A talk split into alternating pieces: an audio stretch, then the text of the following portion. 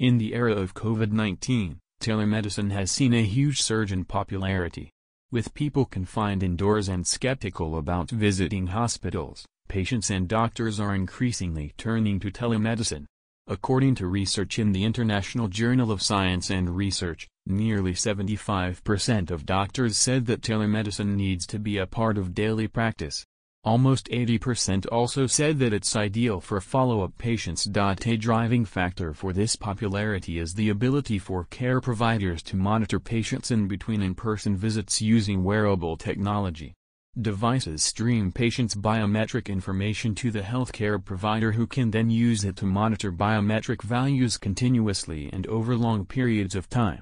Scope of telemedicine in India's healthcare industry While COVID-19 has brought about the demand for telemedicine, what can we expect once the pandemic is over?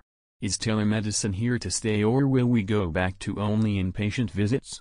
Virtual care to augment traditional in-person care.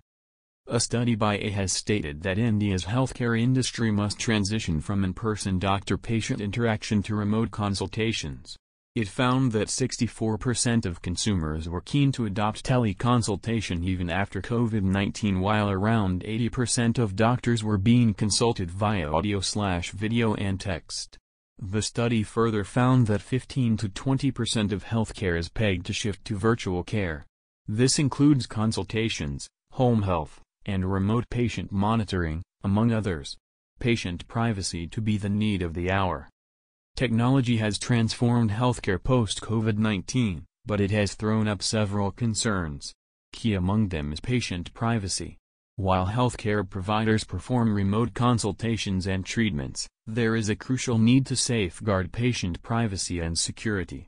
Customer expectations will drive this demand which in turn will help build patient confidence integrated ecosystem to drive adoption of telemedicine. Data-driven technologies are leading to digitization and automation in healthcare, but integrated ecosystems will continue to drive healthcare value. Proper communication between stakeholders like patients, healthcare providers, and payers can increase preventive health services, reduce medical errors and improve care delivery overall. Integrated ecosystems can also improve administrative efficiency, by sharing data, the quality of that same data can be improved which is key to reducing manual processing.